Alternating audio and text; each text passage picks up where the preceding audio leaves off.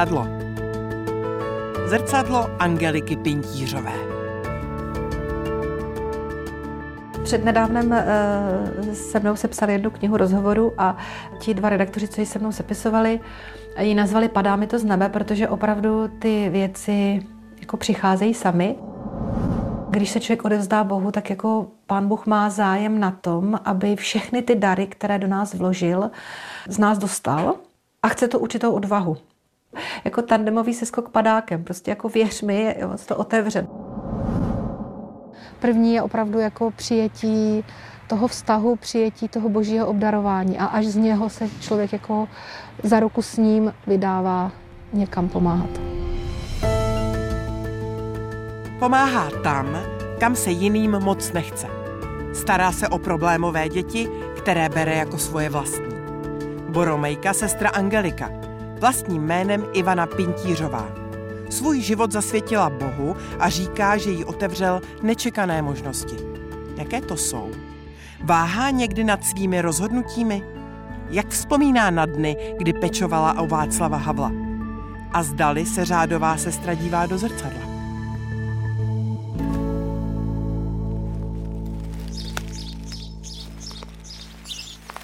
Já se většinou ráno do zrcadla nedívám, že to moc nestíhám ráno. Já jsem typ sova, takže ráno se rozjíždím hodně pomalu a e, čeká mě e, mše svatá, na které se snažím být e, včas, ale spíš si uvědomuju, víc než zrcadlo, si uvědomuju své tělo, protože když ráno vstávám, první, co, co když jako vstanu a postavím se na nohy, abych si vůbec uvědomila, že teda jako už jsem opustila tu postel, tak první, co je, tak jako dělám kříž, protože si uvědomuju, že z boží lásky tady jsem a jemu vlastně ten celý den chci věnovat. Je to asi mm, opravdu jako když mm, mi líbí o své milé nebo obráceně a pak už eh, není nutný jako v každý moment jako intenzivně, ale prostě ten, ten první moment patří takhle Bohu. I právě tím, že, že stojím a udělám ten velký kříž, tak tím se rozpohybuju. Pak eh, když se sprchu, tak si uvědomuji, jak je to dár mít třeba vodu a za ten dar vody. Třeba děkuju, v podstatě se modlím už tady tím, jak se oblékáme do té kaple. Takže na to, na to zrcadlo dojde až, až někdy dále, já moc nemám čas do něho hledět. asi, asi i tím, že se nelíčím, tak přece jenom uh, si jenom srovnám, jestli mi sedí závoj úplně jako dobře rovně a, a někam běžím.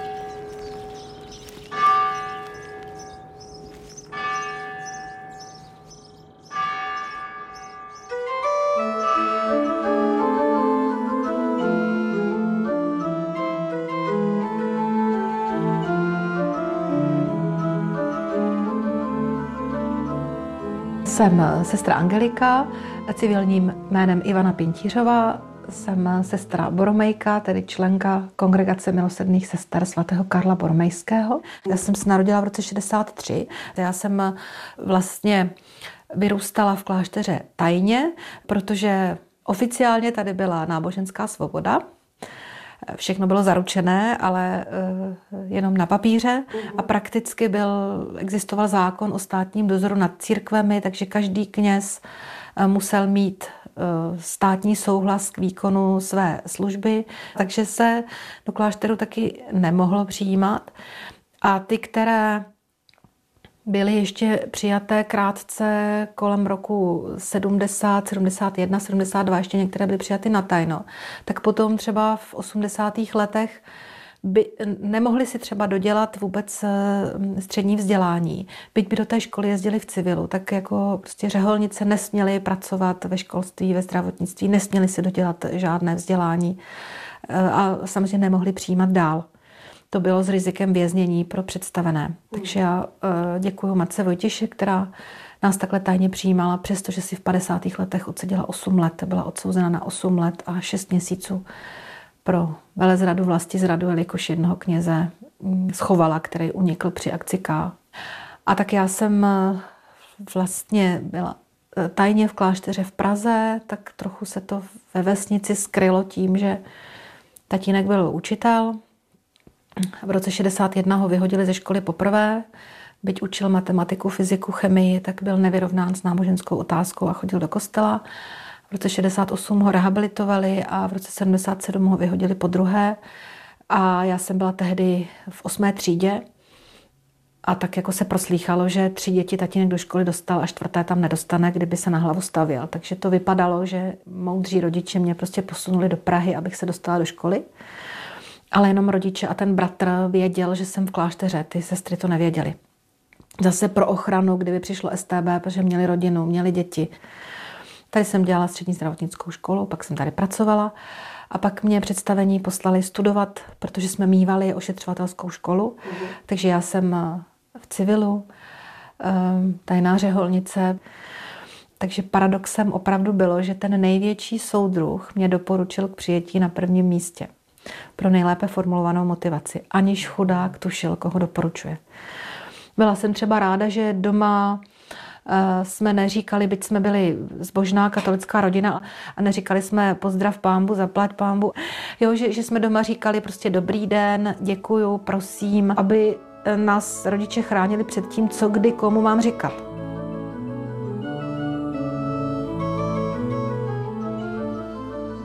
Když se člověk odevzdá Bohu, tak jako pán Bůh má zájem na tom, aby všechny ty dary, které do nás vložil, z nás dostal a chce to určitou odvahu. A mě k tomu někdy právě napadá, jako, že to je tak jako když jdete tam, já jsem ho nikdy neskákala, ale je to ani nepotřebuju, jako tandemový seskok padákem. Prostě jako věř mi, jo, to otevřen. Když pán Bůh něco chce, tak něco chce. A člověk eh, za tím pozváním jde, přijme eh, to, že on bude řídit nějak můj život, dovolí mu, aby se mého života ujal, eh, protože mám ráda sport, tak to přirovnávám právě k tomu, když víte, že je někdo dobrý trenér, tak děláte, co on vám říká, i když je to někdy náročné, věříte mu. A e, vždycky musí být člověk otevřený na další křižovatce. Bůh nabízí další možnost. Chceš-li, tak, e, tak já tě zvu tady touhle cestou. Nikdy člověka nenutí, ale láká a otevřel přede mnou obzory, na který bych si nebýt v klášteře v životě netroufla. Jo. Takže já říkám, odevzdejte se Bohu a nestačíte se divit.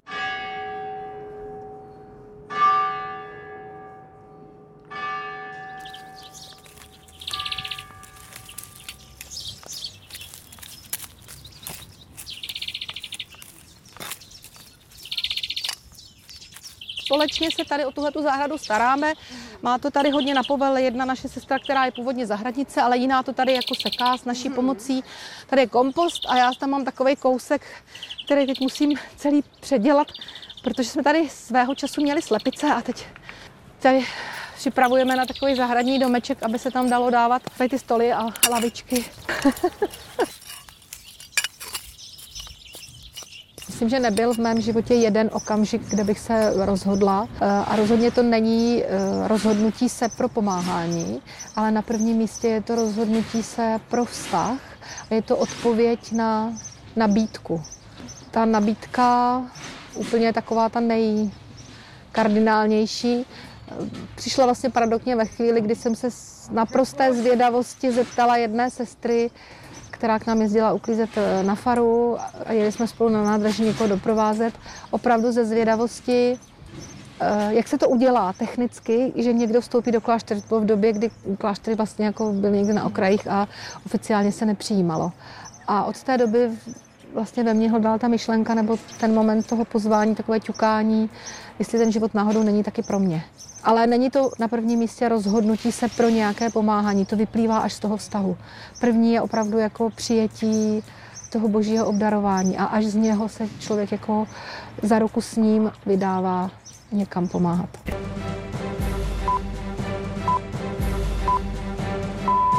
Je 18 hodin. Radiožurnál zprávy o 6. Ve věku 75 let zemřel první český prezident Václav Havel. Pohřeb bude zřejmě v pátek. Kondolence přicházejí z celého světa. Česká vláda zítra rozhodne o státním smutku. Nedávno jsem přemýšlela a uvědomila jsem si, jak to strašně rychle utíká, protože teď na podzim už to bude 10 let, co jsem se dostala do, do týmu, který, star, který se starali o Václava Havla. Ta generální představená vlastně dávala dohromady sestry, které mm, měly v tu chvíli i možnost, že, třeba na tom hradečku jsme byli tři, čtyři dny v kuse, protože to přece dvě a půl hodiny od Prahy. Vzpomínám na to, na to ráda, jednak pro i třeba spoustu lidí, s kterými jsem se díky tomu potkala, který se kolem něho potkávali a co bylo třeba zvláštní, že on byl takový centrem. Že, že ty lidi jako sami o sobě, oni by se spolu vůbec nepotkali, vůbec jako se nemusí ani jako, ale, ale kolem něho byli schopni se potkat. Že byl takový jako spojovací eh, člověk, který byl schopen naslouchat eh, jako všem a na každým něco ocenit. Myslím si, že Eh, že jako v každém člověku oceňoval jeho lidskou důstojnost. No.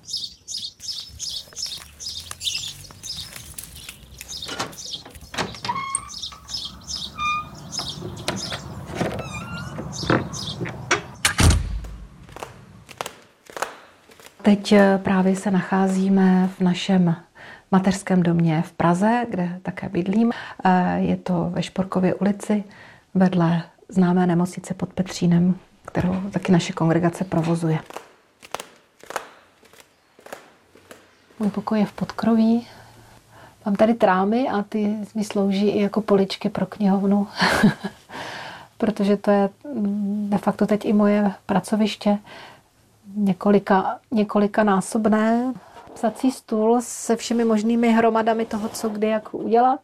Důležitý je pro mě kalendář, kam si zakládám věci, co, co kde mám udělat taky mám tady kytku a mám tady víc kytek a mám tady právě i jako takový hodně starý rotopet nebo kolo, který nemá kola, jenom pevně stojí. Občas je potřeba, když se méně pohybují, tak je potřeba si trochu za, zašlapat. Tady toho tučňánka mi koupila neteře právě, že všechno, co je s tučňánkama, tak jak, jak to vědí příbuzní a známí, tak mi kupují tučňáky. A tohle je praktická věc, to je opravdu jako takový to zakládadlo za dveře. To už od dětství se mi líbí tučňáci. No, jako oni jsou takový sympatický.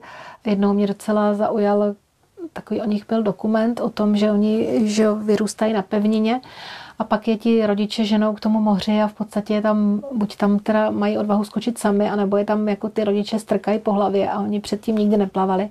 A tam byl krásný takový moment, kdy v tom dokumentu řekli, nikdy to moře neviděli, ale teďka to bude jejich jako živel a život. A je tam ten skok do, toho, do těch rozbouřených vln, protože to skáčou z útesu. A mně to přišlo, že tohle je vlastně jako moment konce našeho života a smrti a vstupu do věčnosti, protože pak už budeme žít v té věčnosti v setkání s Bohem, ale musí se tam udělat ten krok toho, toho skoku.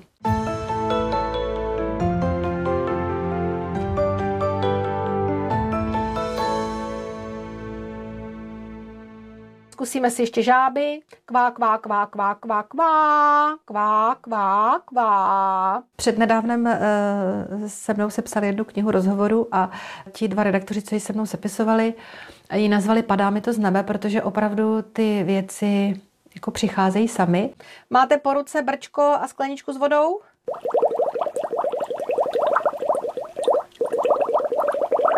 Zkuste si eh, k tomu teď, jestli jste prostě unavený eh, starý čerti, nebo teďka zkusíme malý čertici, neposedný.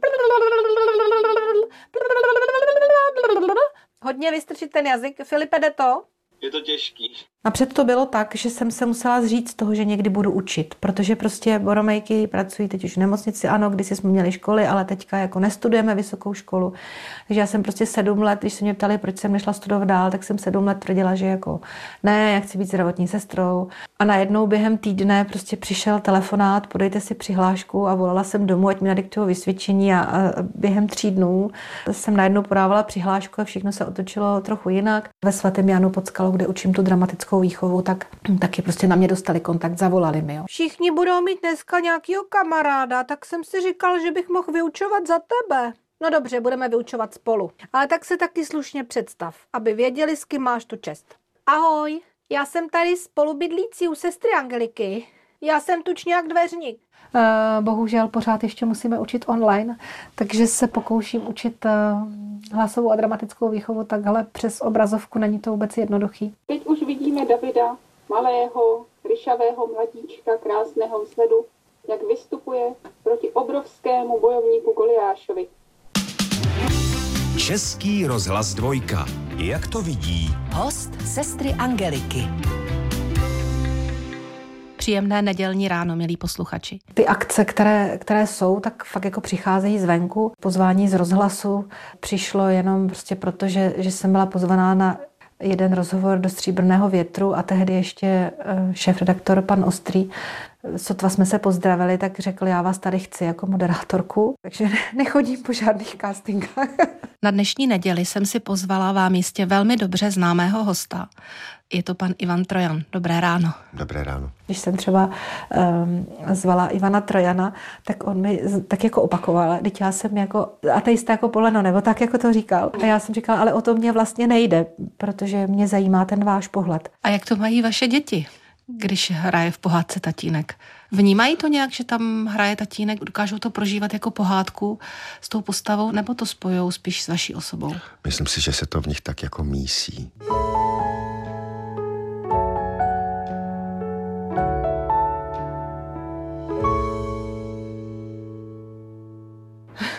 Naše charisma je vlastně, jsme vznikli pro nemocné morem a my máme vlastně čtyři sliby. Ten první a hlavní slib máme slib vytrvalosti v milosrdné lásce vůči těm na okraji.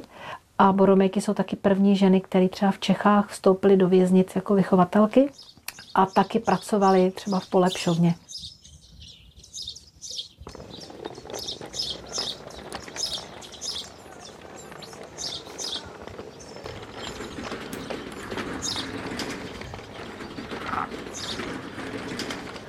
Bolej záda, co? Lepší? Cože? Lepší než posilovna, hele. Cože? To je za ty příši. Jo.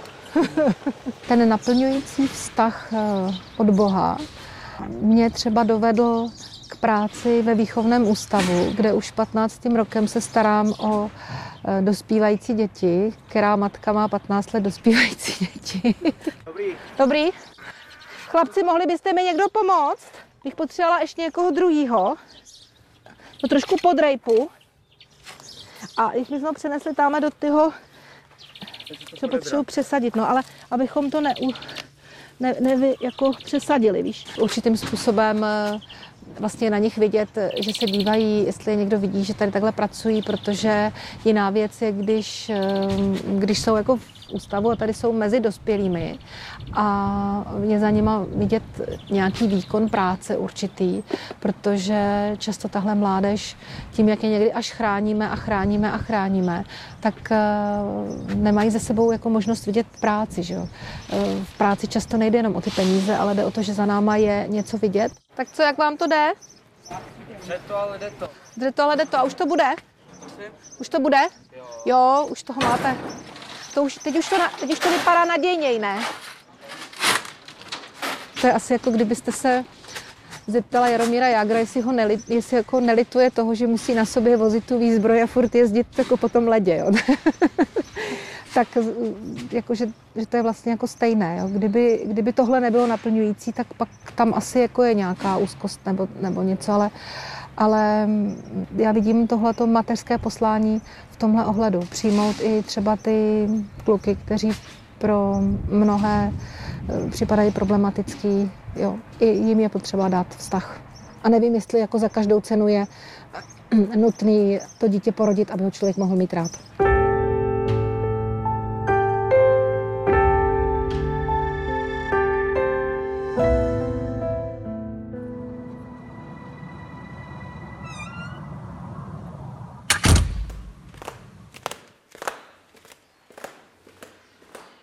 Zjistila, že se mi někdo vlámal i do Twitteru, Aha. takže mi všechny sledující nějakým způsobem zrušil. Musela jsem si úplně znovu založit Twitterový účet a že tu a tam někoho tam jako sleduju, ale já to hlavně opravdu jako nestíhám. Tady mi někdo odpouští a nevím co, je to trošku takový jako zvláštní, jo, že vlastně tyhle ty sítě eh, někdy jako pro někoho, kdo je třeba nějak sám nebo to, tak mají dojem, jako že, to, že to nahrazují.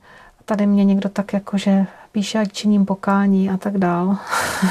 tady, když najde na, na mým facebookovém profilový fotce, tak jsem vlastně s papežem Františkem při mši svatý, to bude to teď pět let za týden, kdy to byla neděle božího milosedenství a byl to rok božího milosedenství a byla pouť všech těch, kteří mají právě nějakým základem, máme ten slib milosedenství, tak nakonec se podařilo, že jsme ještě s jednou sestrou při tím nesli obětní dary a e, byl to taky moc hezký a moc silný moment, při tím svatý my jsme se potkali, vlastně já jsem přinesla tu obětní misku s tím chlebem, který se pak bude proměňovat a on se jí dotkl, my jsme se na sebe ani jako nepodívali, ale přesto to bylo jako velmi, to nebylo prázdné gesto, prostě velmi silné gesto toho jako přijetí těch darů.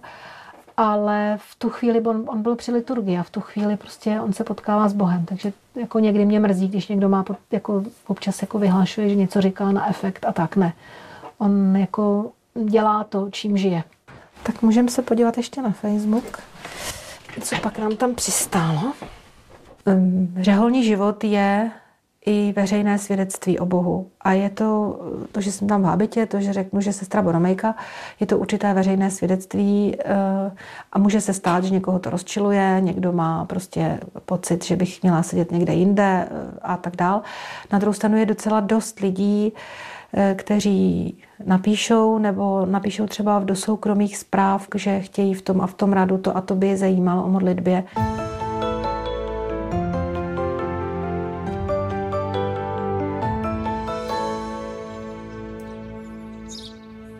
Každý den je svým způsobem eh, zácná událost, protože nikdy nevíme, jestli nastane zítra, jestli zítra vstaneme, nikdy nevíme, co nás v tom dnu čeká. Takže mm, se čím dál tím víc učím si užívat eh, každého dne, učím si, jsme tady v zahradě pozorovat tady ptáky, máme tady různý druhy síkorek, občas ti ptáci i vědí, že jim tady nehrozí nebezpečí, takže eh, postupem let pozoruju, že jsou i docela na blízko. Že jenom jako po poletí a klidně je ze dvou metrů můžu pozorovat a oni se takhle jako dívají a někdy si s nimi jako říkám, nazdar si korko. Ne, neboj se, klidně se nasnídej. Teď v posledním týdnu mi dělá radost, že už konečně svítí sluníčko.